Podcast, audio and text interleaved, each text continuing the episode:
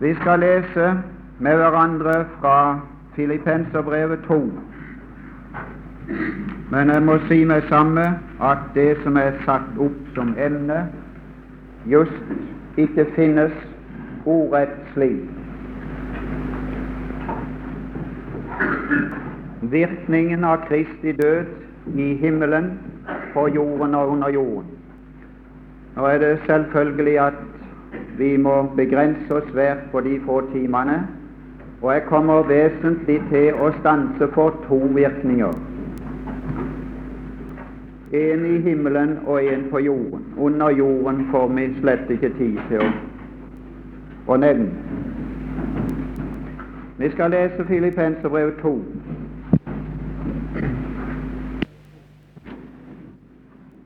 Og lese først fra vers 5.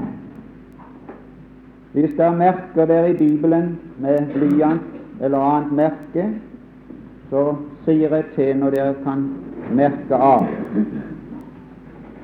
sånn som jeg sjøl har brukt det. Vi skal lese der i Jesu navn. La dette sinn Nå ble jeg bedt om lys. Og lys er nødvendig. Og lys får vi gjennom Guds ord. Men lyset må ikke bare bli lys. Lyset må bli sinn. Og sinn er karakter.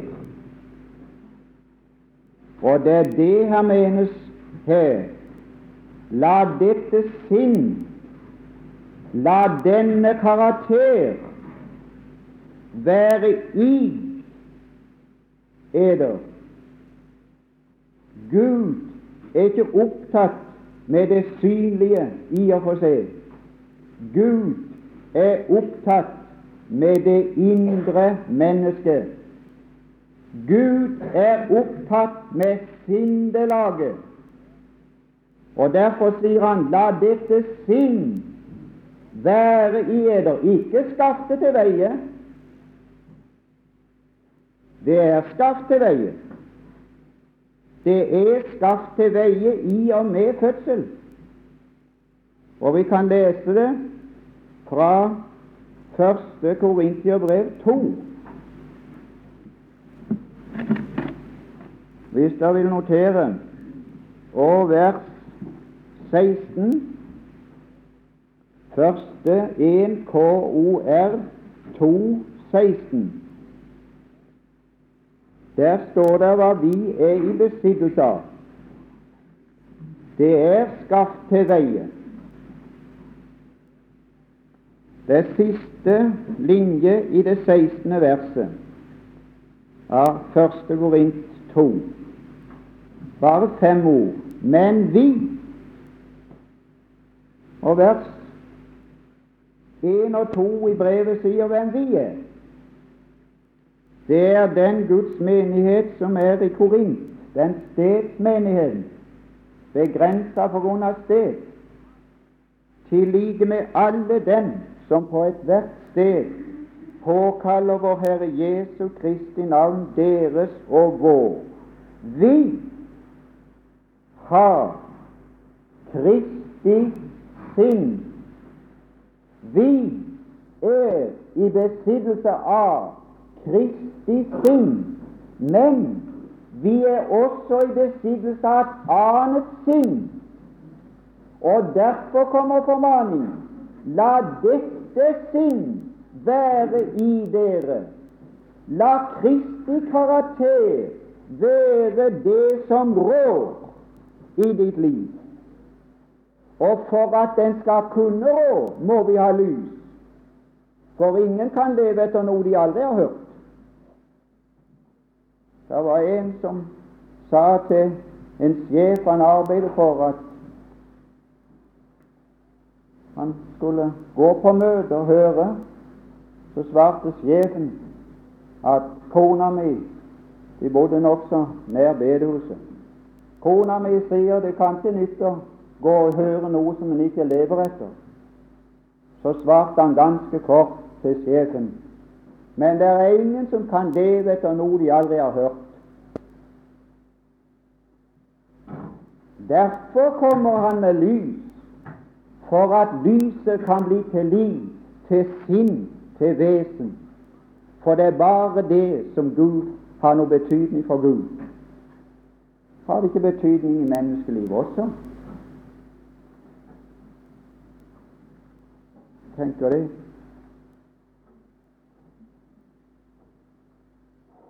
Gamle, må vi si, Bjerkreim sa en gang for Mosby omtrent slik at det er noen som gifter seg med et ansikt.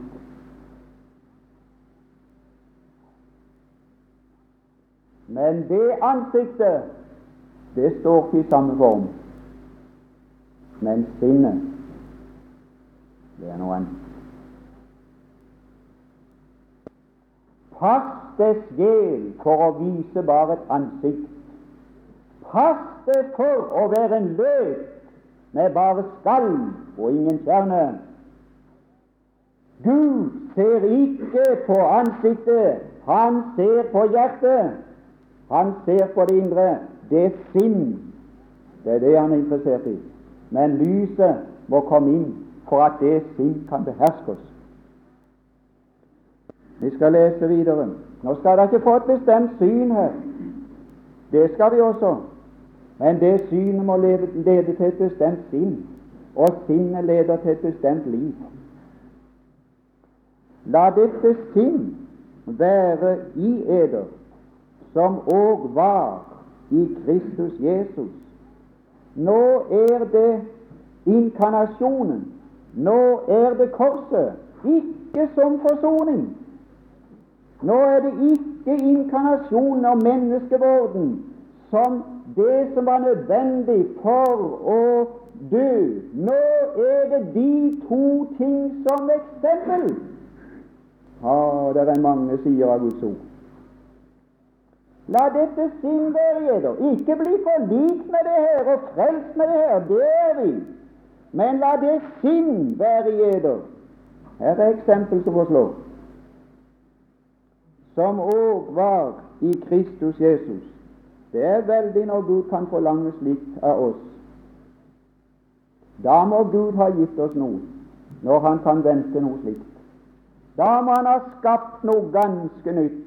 Gud venter ikke figen av titler. Gud høster ikke vindru av tornekratt. Gud er ferdig med å kultivere kjødet, men han har gått en annen vei. Han har gitt oss en guddommelig natur, og gjennom den kan Gud skape ny karakter i et menneskeliv. Så kom aldri med det snakk at vi er nå bare slike. Kom aldri med det vi er nå bare mennesker. Det er det vi ikke er, som er frelst. Vi er ikke alminnelige mennesker. Det er tingen. Vi har Kristi sinn. Dere er av Gud. Dere er ikke av verden. Dere er i Ånden. Det er saker og ting som Gud har brakt til veie, og som Gud kan legge ansvar på. Han kan ikke legge ansvar på Gud. Det eneste de har ansvar for, det er å gi tapt. Det er alt de har ansvar for. Så kommer vers 6. Det er første Johannes 1, der har vi det samme tanken. Fra Han som var ordet, Han som var hos Gud. Det er akkurat samme tanken. Han som, da han var i Guds skikkelse, i Guds form,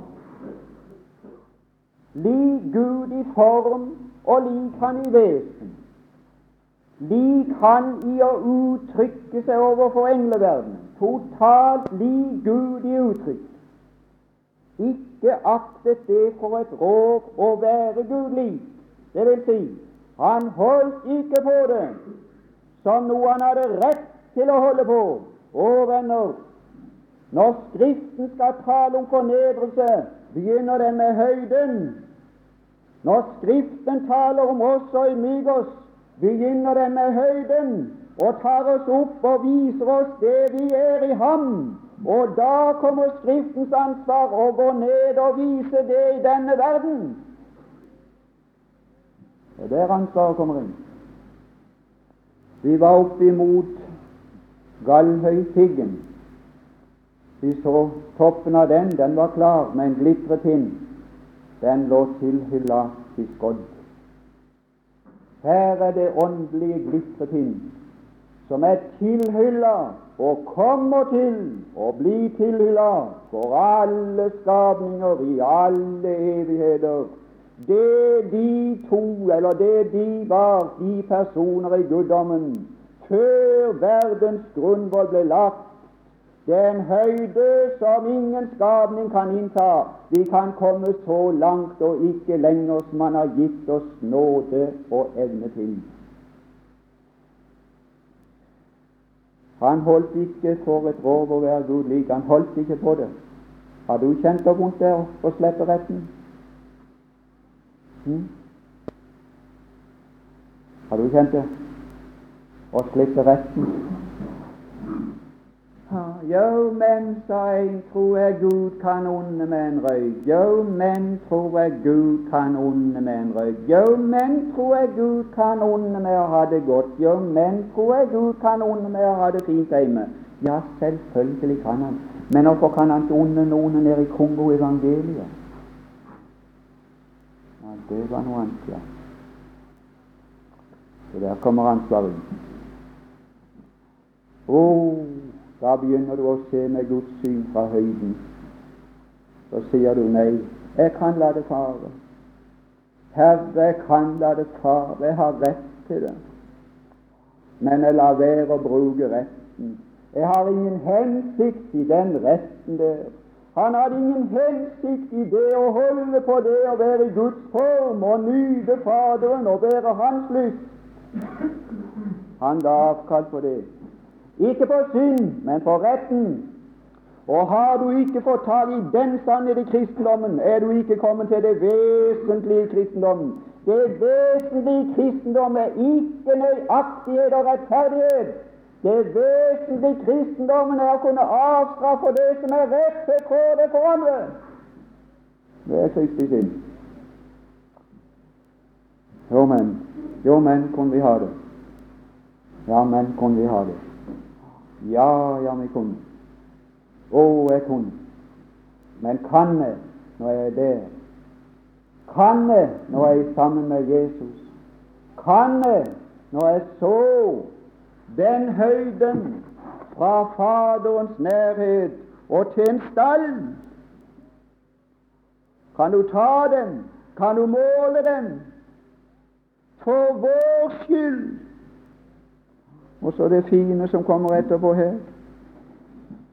Aha, her har du det fine. Nei, der kommer det av seg selv. Å, oh, det er det fine. Hvorfor skal vi behøve å som kollektor? Hvorfor skal vi holde kollektprekener? Det gjør jeg aldri. Nei, nei, nei. Å, oh, nei, nei. Gud elsker en glad giver som ser sjansen i denne husholdning til å måtte gi. Det har de ikke hatt i alle husholdninger. Abraham hadde ingen sjanse, han. Han dynga det opp. Tjeneren sa det. Herren har storlig velsignet min Herre. Han har dynga opp sølv og gull og tjener i hovedtall. Men han har ingen plass å omsette det og få det igjen i evige verdier. Den sjansen har han gitt oss, og bare oss, å omsette det lave til det høye, fordi du er et menneske av en annen verden som ser på tingene med et annet syn. Av seg selv. Ah, det er duften, det. Det er duften ved tjenesten, det. Det er duften ved gaven, det. Det er av seg selv. Du må slappe å mase. Om noen ser sin bror av trang, du skal, han skal ikke komme og be deg, du skal være før han får bedt. og lukker sitt hjerte for ham, hvorledes kan da kjærligheten til Gud bli ham? Jo, den kan bli, men den er en trøbling, den.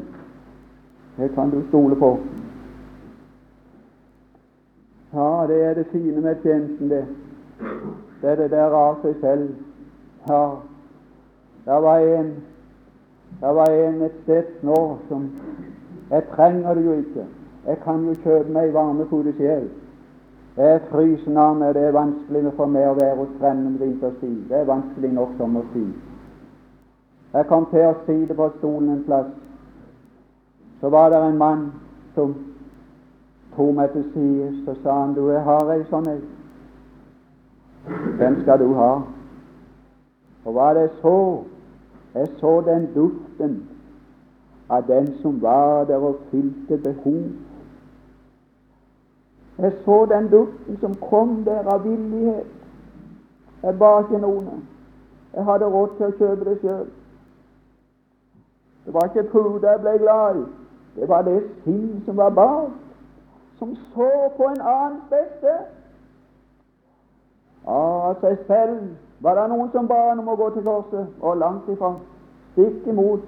Gikk han? Ja, ja, av seg selv. Kjærligheten er slik. Ja, det er åtte timers arbeidsdag og, og fire ukers ferie. Ja, jeg skal vite når ti mor kommer. har små bånd. Når begynner de med den foreninga? Nå, nå begynner de snart med den, skal du se. Morsforening. Åtte timers arbeidsdag, og så fire ukers ferie med full lønn. Der kommer iallfall ikke min kone til å skrive seg. Det kan du lide på. Nei, nei. Hvorfor det? Nei, for det er noe som heter kjærlighet. Ja, ja.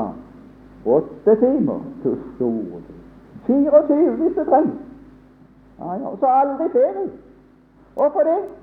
Det er kjærligheten. Det er sindelaget. Der er det. Det er bygd på et annet prinsipp. Det er bygd på det tjeneste der er bygd på et annet prinsipp. Jeg skulle ha hatt det på Mosby, jeg rakk ikke. Lovene gir storting. Jeg lyder det ikke fordi jeg er glad i storting. Så høyt som jeg elsker storting, så mye lyder jeg lovene. Jeg gjør det plikt. Jeg er bare pliktjente. Ja, men ikke det åndelige. Dersom dere elsker meg, sa Jesus, så holder dere mine ord. Ja, det er på et annet grunnlag. Det er ut ifra kjærlighet. Det er det grunnlaget for tjeneste Guds rike. Av seg selv. Ga kalt på det ikke å være Gud, men vi har Guds form og måte å uttrykke seg på. Og så tok han en tjenerskikkelse. Slave skal det være. Enda bedre enn tjener. For en tjener han drar det av veldig det grann sjel. Ja, du som selger din arbeidskraft, du får da noe igjen for det. Men en slave får ingenting igjen. Han drar ikke av med en ting, han. Han, han samler til Herren alt sammen. Herren drar av med all fortjeneste. Han har ikke 24 timer og fire ukers ferietid. En slave har ingenting han eier. Han eier seg til på sin kropp. Det tilhører hans herre alt i hop. 24 timer i døgnet tilhører slavens herre. Han tok en slaveskikkelse på seg. Han opptrådte ikke lenger som selvstendig. Han var her i denne verden for å utføre en annens gjerning og hensikt. Og han skulle tjene på hans eksistens i verden. Og han førte det fram. Så en gang skal alt i himmel og på jord og under jord bli til Gud Faders ære. Det er sikkert, det. Det står her lenger nede. Han kom i menneskers lignelse. Ja, da har du Da har du Lukas. Det kunne vi nok kanskje ha tatt. Noen skriftsteder der.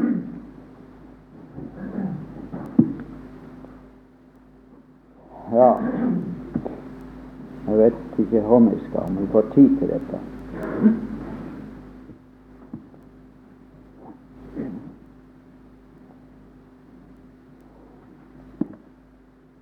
Vi kan nok ta ett i Lukas.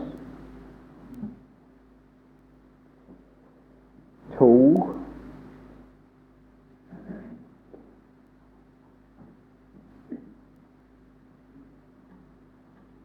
og vers 27. Der har du det uttrykket foran Jesus, barnet. Her har du barnet. Lukas 2, 27. Det er gamle Simon som kommer til tempelet, drevet av Ånden. Og da foreldrene førte barnet Jesus Det er langt ifra det og til Guds skikkelse. Det er langt. Guddommen kledt i et spedbarns skikkelse. Å, venn, så sa, så sa han ved fallets gry eller morgen, så sa han kvinnens sæd skal knuse slangens hode. Kvinnens sæd, den svake, gjennom svakhet skal beseire den sterke. Gud vant ingen seier gjennom kraft, han vant seier gjennom godhet. Godhet seirer over alt i denne verden. Ja, vi skal gå ifra det. Vi skal lese videre. I Filippenserbrevet 2 er det like best at vi holder oss med skriftsteder, og det får vi mest utbytte av. Han kom i menneskers lignelse. Og så står det et underlig uttrykk som jeg først fikk lys over her en dag. Og da han i sin ferd Da er han ikke spedbarn lenger. Da han i sin ferd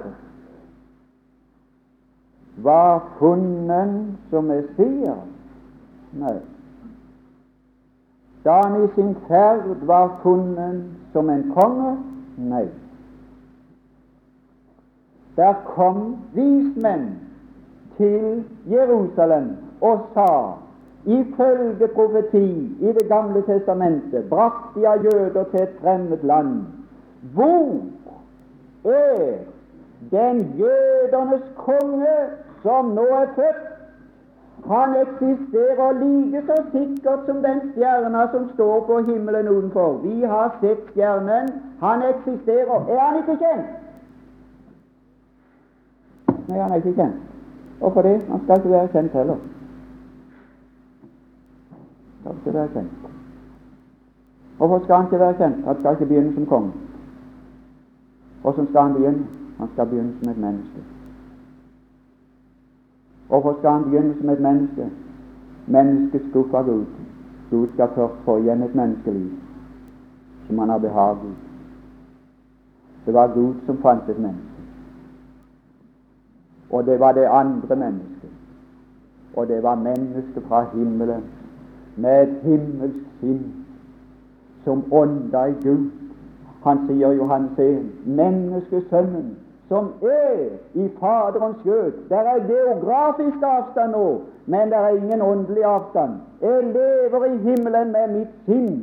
Gud har i 30 år fått et menneskeliv som han ville ha det der det ikke fantes plett på noen ting, verken i ytre eller indre, verken i motiv eller handling. Alt gikk opp til Faderen i et eneste rødoffer som Gud ånda inn og ble tilfredsstilt av.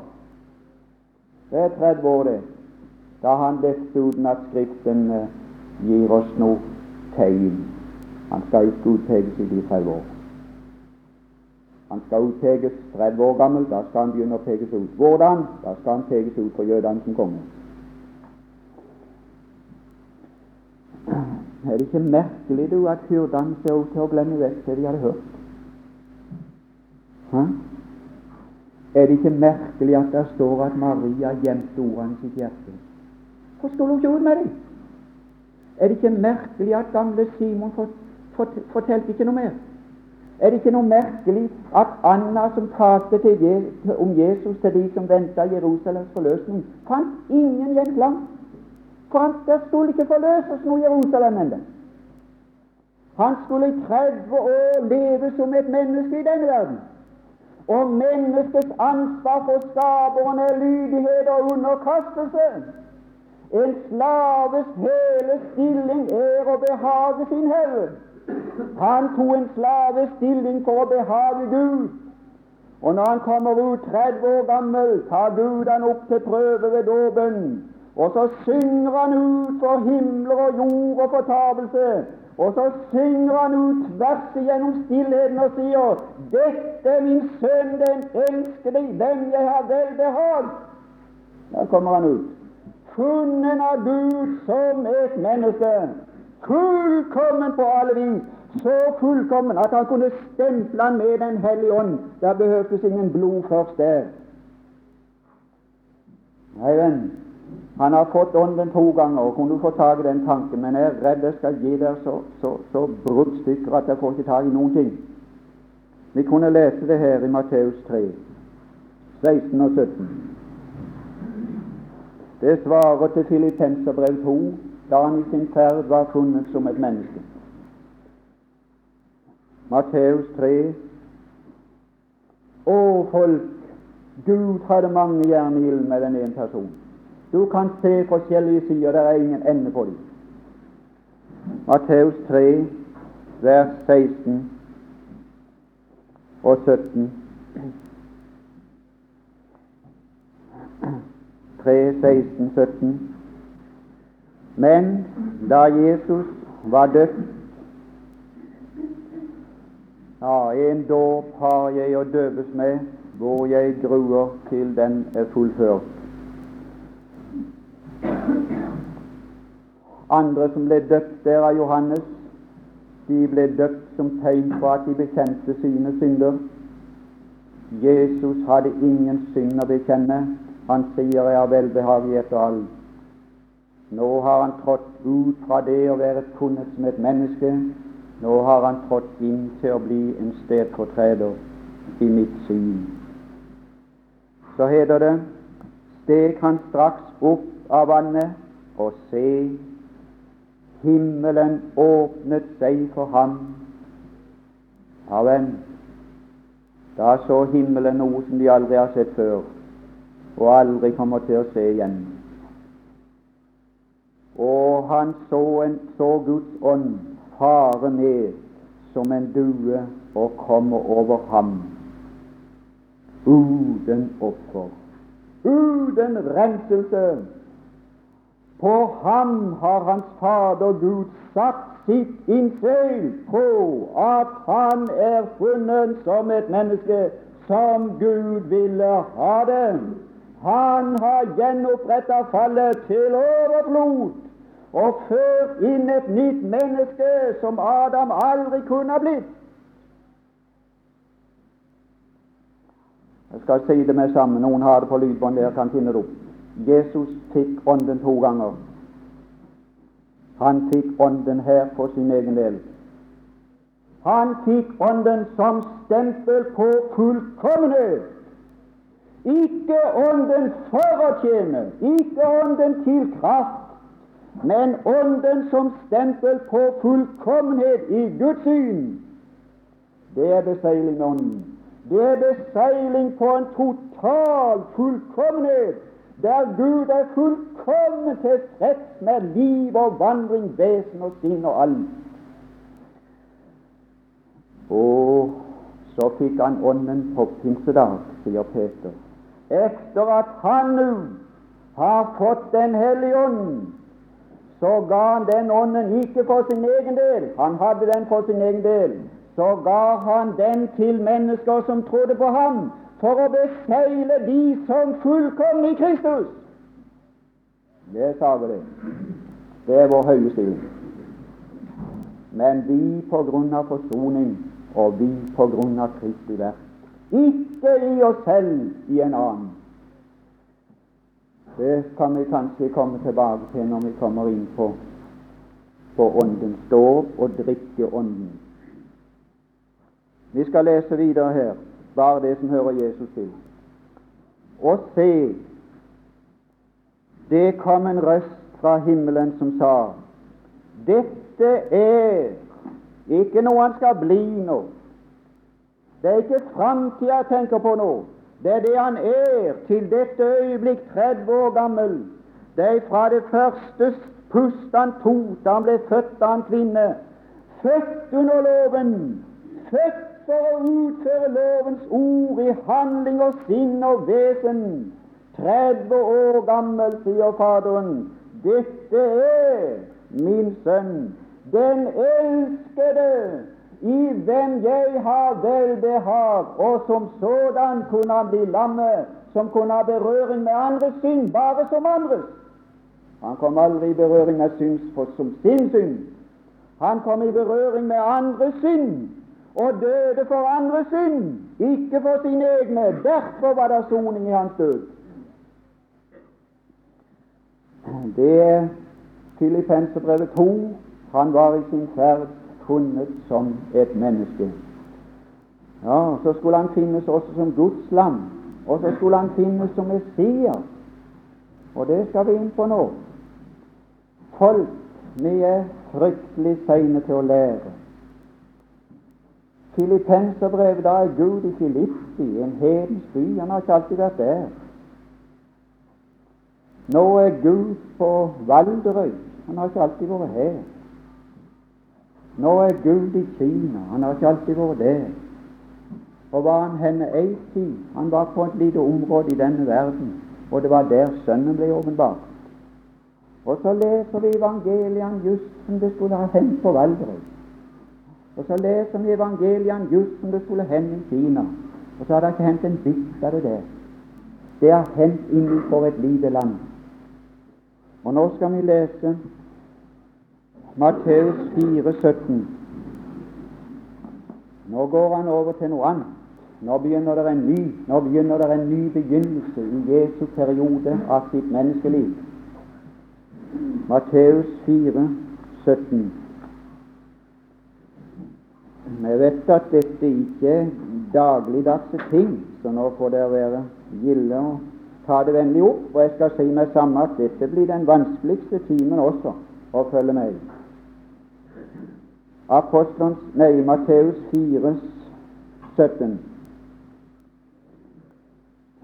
Da står det og Nå må du streke under ordet 'begynte'. Fra den tid begynte Jesus. Og de fem ord kommer igjen presis i Matteus 16, 21. Der har du tre begynnelser i ett evangelium. Først begynte han som menneske. Så levde han 30 år som menneske. Så begynte han her som konge. Så forkynte han en stund som konge, som Messias for Israel. Så forkasta de det budskapet. Så kommer han fra den tid begynte Jesus på noe nytt igjen. Så begynte han å tale om en plan som han kom til å gå over, for Israel forkasta han som Messias. Vi leser her. Nå skal dere se, og det står i forbindelse med og så kan hende vi kunne bli litt klar over alle disse retninger som finnes i verden i dag, som skal ha tegn og undere med seg. Ja, de er i tusenårsriket, de folkene. De er i tusenårsriket. De lenker sammen ord som hører tusenårsriket til. De lenker, de lenker i sammen månen med sola. For det er når sola kommer opp at det skal bli legedom. Det er når sola kommer opp at de skal gå ut og hoppe som gjøvede kalver. Det er når en morgen uten skyer inner at det skal lenke seg sammen med legemlig helbred. Nå er ikke synderens forlatelse lenka sammen med de. Nå er det mye mer lenka sammen med lidelse i verden. For Gud er ikke interessert i ytre ting nå. Han er interessert i sinn og sjel, og det, det fremmer han mest med hårhendte midler.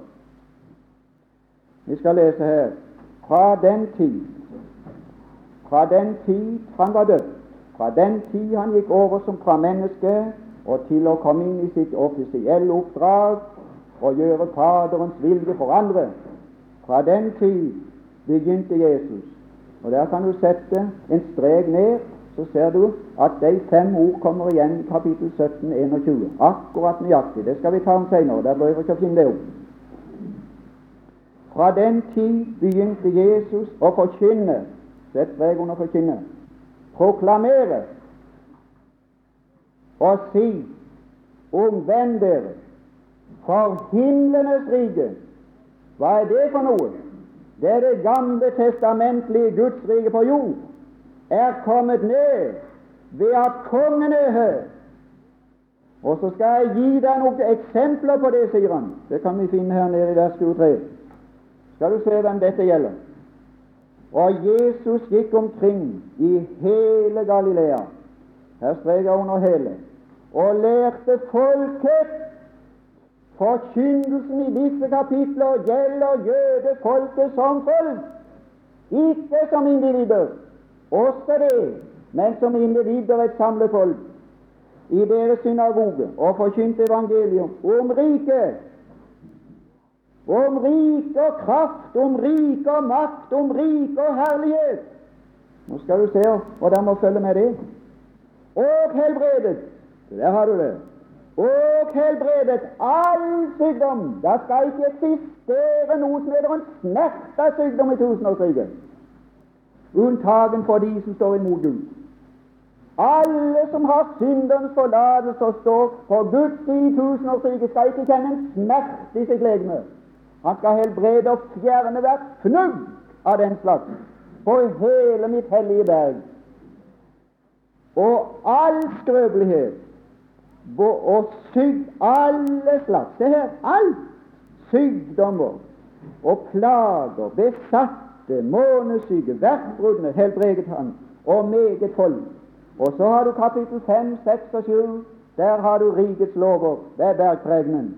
Og jeg vil si meg samme at den kan anvendes åndelig. Jeg anvender alt Guds ord åndelig. Og ja, ja, det her er vidunderlige ting som er til lærdom her, men i sin prinsipp og oppfyllelse kommer den til å bli oppfylt i tusenårsriket. Og så skal vi lese Salme 103, så skal du se. Det er lenka i sammen med legemlig helbredelse. Her er underlige sammensetninger. Og forstår dere vel at Jesus opptrådte som Messias etter De gamle testamentets profetier og forkynte at riket var kommet nær, og hvis de ville motta han, skulle han opprette sitt rike i denne verden. Salme 103. Så må du se på vers 19 at dette sikter til en tid som heter tusenårsriket. Salme 103, vers 19. Jeg bare tar det, så skal vi lese første versene etterpå. Herren har reist sin trone i himmelen, og hans rike hersker over alle ting. Det er tusenårsriket. Åssen skal det da bli? Vers 1. Min sjel lov Herren, og alt hva i meg er, lover Hans hellige navn. Vers 1 og vers 2. Min sjel lov Herren, og glem ikke alle Hans velgjerninger. Nå kommer de som perler på ei snor. Han som forlater all din misgjerning, som leger alle dine sykdommer, som forløser ditt liv fra graven, så dette legemet kan ikke få dødt. Det er en underlig tid en gammel jøde på henne, en mor 90 år, stakkars menneske om hun skulle gå inn i tusenårsriket. Hvordan skulle hun ha ny, ny, nyte tusen år? He? Og leve tusen år til i denne verden? Er hun 90 år? Hun var 90 år om onsdag. Nei, hun sa det i gammel på, på, gamlehjem. Hun sa nei, der står han, han døde mest av dagen. Nei, sannelig sa hun blir en mest av dagen. Jeg får nok av dagen, sa Jeg får nok dager, sa Du, du, de blir så trøtte av å leve bare.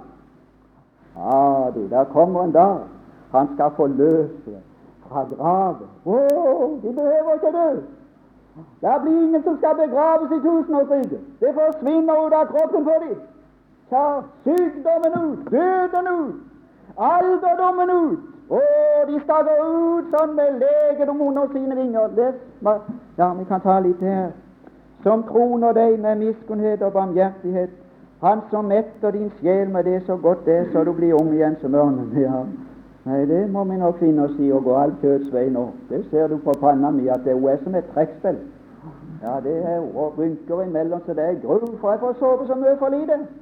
For jeg skal forsøke å tjene Herren Og alt det jeg hadde fått gjort til dette kurset, det har jeg her.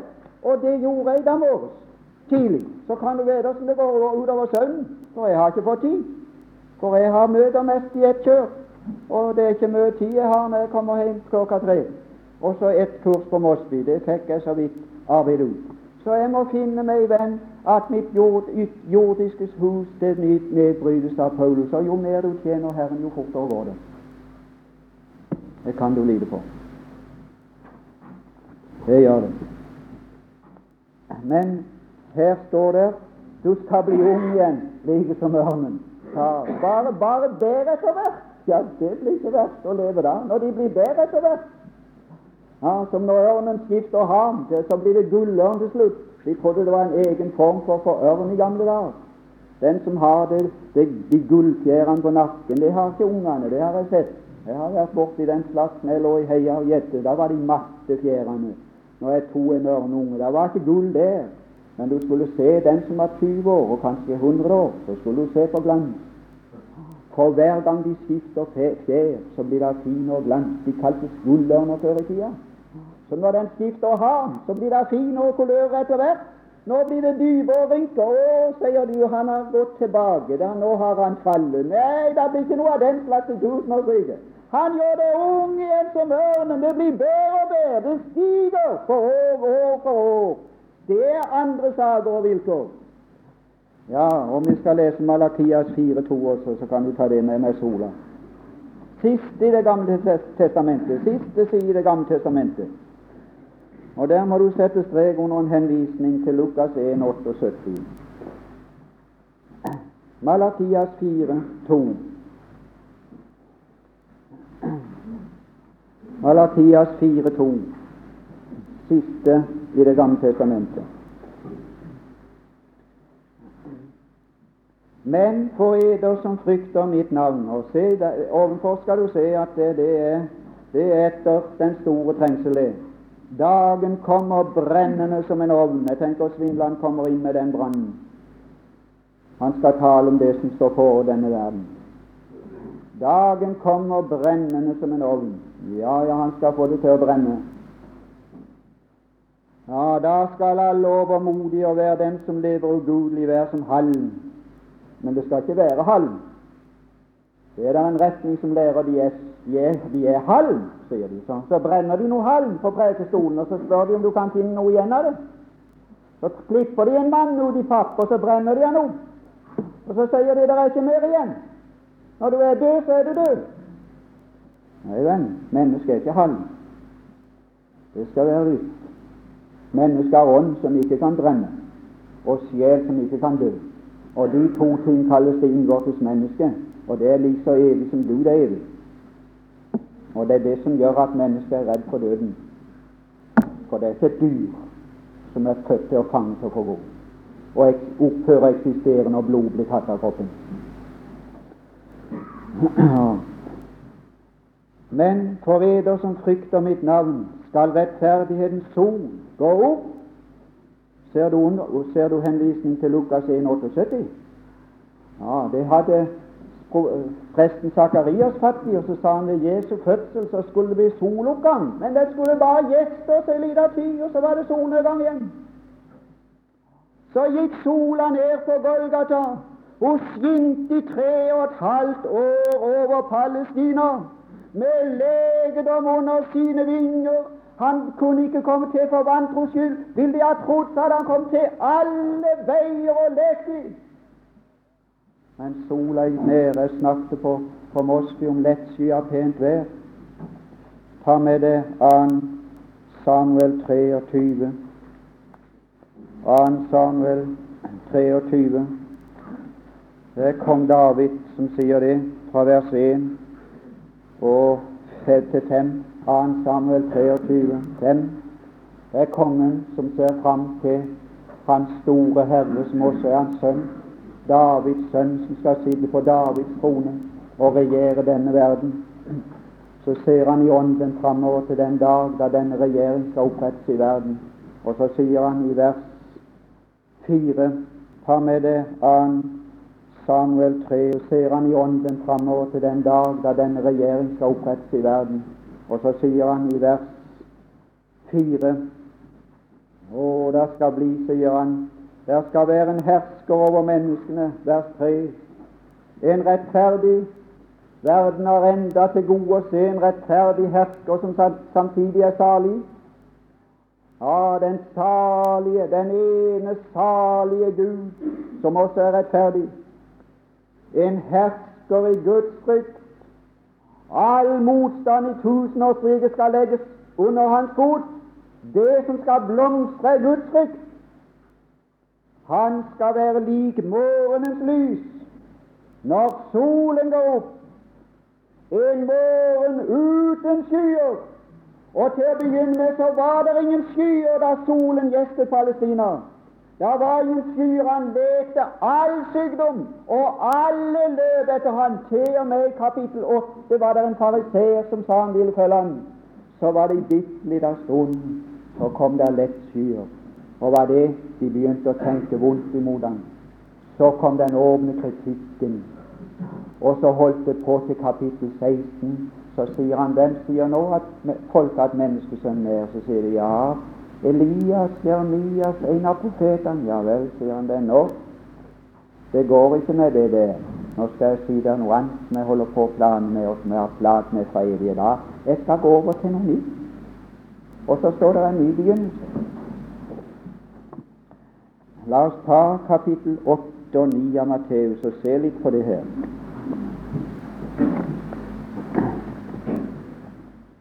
Matteus 8, der har han henvisning til Esaias i vers 17, som må ta sykdommene. Og Esaias 53 blir oppfylt i tusenårsriket. Da skal han få de mange til del og sterke til bytte.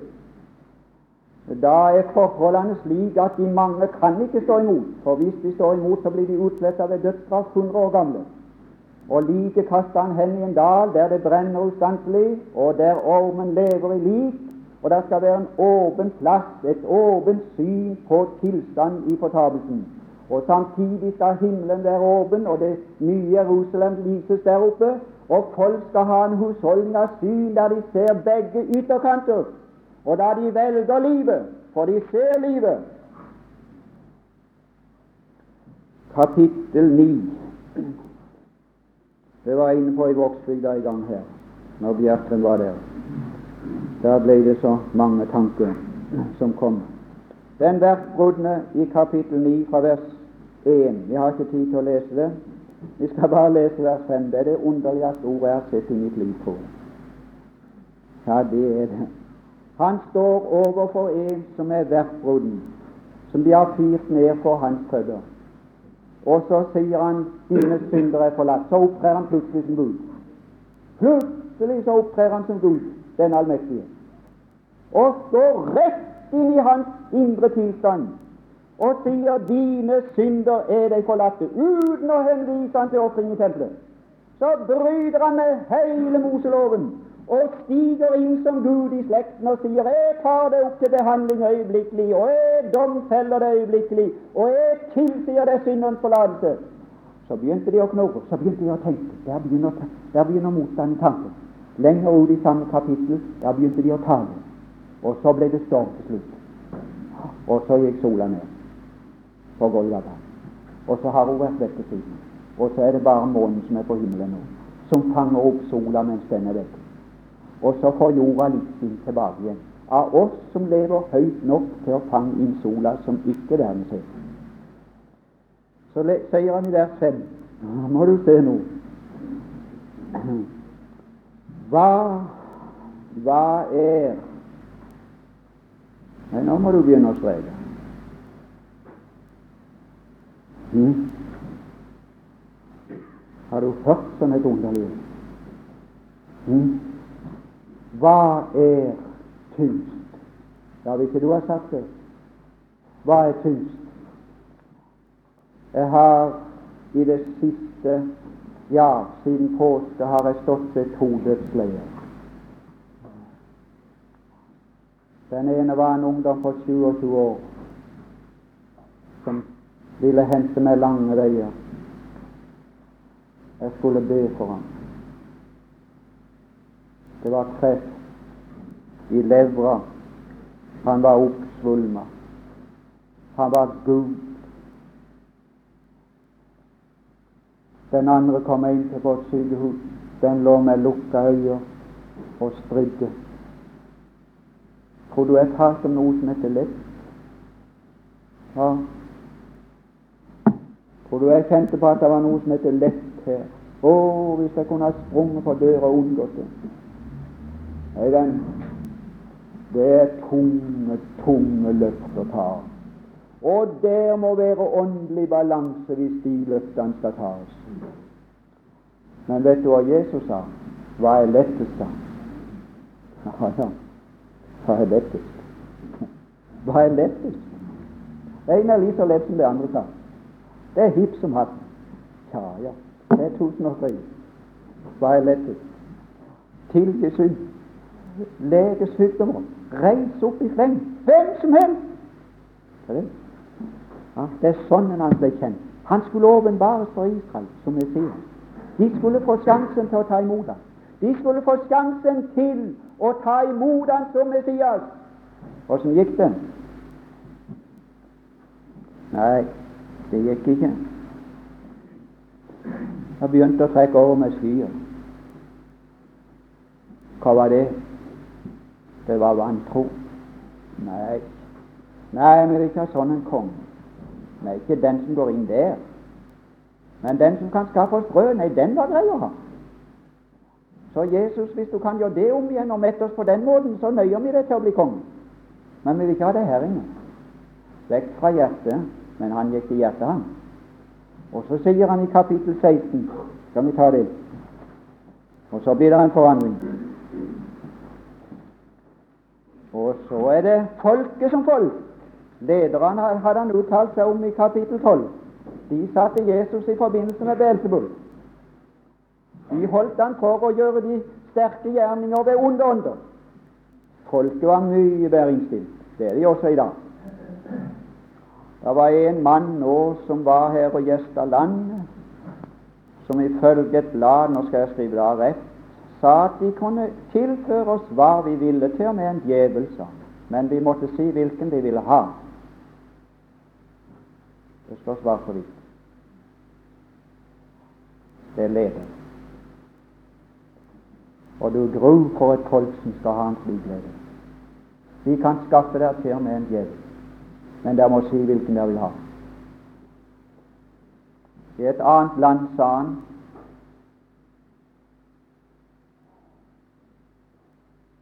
Vi er interessert i disse rør, men de er for dyre. Jeg er ateist, men nå påkaller jeg Gud Fader at Han må overbevise dere om at rørene er for dyre. Og da kan dere skjønne hvor viktig det er når jeg som en ateist påkaller Gud Fader. Den lever. Det er akkurat sånn i Skriften. Beelzebub. Gift og opium for folket. Kristendom er gift og opium for folket. Men la oss ta folkeseieren i kapittel 16 og vers 13. Der må du skrive, sette string rundt folk i første vers. 13. vers. Da Jesus, da Jesus, ja, det var da. Var kommet til landet, ja, det var det. det må du ta. Det er enden av Palestina. Nordenden ved Cesarea Filippi, kutt av A-en fra Cæsar. Cesarea, så har du Cæsar. Kutt av en og annen. Da har du Cæsar, romersk keiser. Filippi, romersk keisers navn. På en by i et annet land som sa at der herska romersk keiser. Det er Israels gamle syn. Meg har de forkasta som konge. Og så sa Gud vel, dere skal få den kongen dere vil ha, dere skal få keiseren. Så spør han hvem sier folk, folk, nasjonen, at menneskesønnen er den andre personen i Gud som er kommet til dem? Nå skal de få lov å uttale seg. Så kommer de, fine navn, store menn i Israel. Ja, ja, sympati med kristendom. Ja, Svarte han noe? Ingenting. Sa han noe til svareren? Ingenting. Og gjorde han? Han ga folket opp. Ikke et ord mer til folk i den retning. Jeg gir de opp. Men dere Ja, vi kjenner det. Du er Messias. Ja, der var han. Du er det. Du er Messias. Du er den kommende, den lovede. Vi vet hvem du er. Ikke bare Messias, den levende Guds sønn. Vi har også fått liv.